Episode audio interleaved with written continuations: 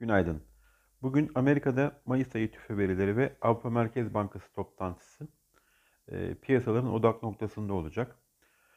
Amerika'da tüfe verisi öncesi e, küresel anlamda hisse senedi piyasaları haftanın genelinde e, yataya yakın bir se- e, seyir izlediğini söyleyebiliriz. Amerika'da 10 yıllık tahvil faizlerinde düşüşte sürüyor. Son 3 ay içinde görülen en düşük seviye e, %1.47 seviyelerine kadar geriledik. E, Geçtiğimiz hafta tarım dışı istihdam verisi öncesi e, %1.62 e, seviyelerin üzerinde e, işlem görüyordu Amerikan 10 yıllık tahvil faizleri. Bugün saat 3.30'da açıklanacak Amerika'daki tüfenin yıllık bazda %4.2'den 4.7'ye, çekirdek tüfenin ise %3'ten %3.4'e yükselmesi bekleniyor. Geçtiğimiz hafta e, 385 bin kişiyle pandemiden bu yana ilk kez 400 bin kişinin altını gören haftalık işsizlik maaşı başvurularının ise 370 bin kişi olarak açıklanması bekleniyor.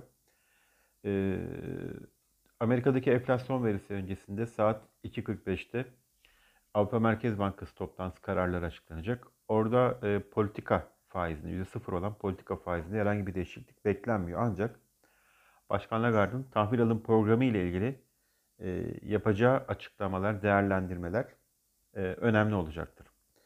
Yurt içine dönecek olursak saat 10'da Nisan ayı işsizlik verileri açıklanacak. E, bir beklenti yok. Mart ayında işsizlik oranı e, mevsimsellikten arındırılmış bazda %13.1 olmuştu. E, Türkiye'nin 5 yıllık CDS oranları 382 seviyelerine doğru geri çekilmesi ki geçtiğimiz e, haftalarda 400'ün üzerine oturmuştuk. Uzun bir süre 400 üzerinde işlem görmüştük burada.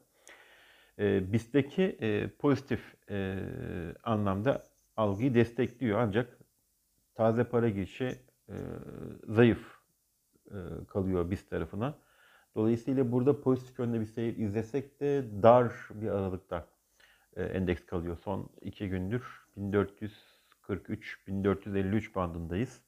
Dün de 1445'te 1453 seviyeler arasında dar bir aralıkta e, bir seyir, e, seyir izledik. 20 günlük e, hareketli ortalama seviyesinin bulunduğu 1438 puan üzerinde yükseliş eğiliminin teknik olarak korunmasını bekliyoruz. Hafta geneli için belirlemiş olduğumuz direnç seviyesine ulaşamadık. 1465 direnç seviyesi. Bu seviyenin test edilmesi yönelik beklentimiz sürüyor. E, ancak saat 3.30'da e, Amerika'da açıklanacak olan tüfe verisi e, piyasalarda e, negatif ya da pozitif yönde e, oynaklığa neden olabilir. Bu veri saatini e, dikkatli takip etmekte fayda var. İyi günler, bereketli kazançlar.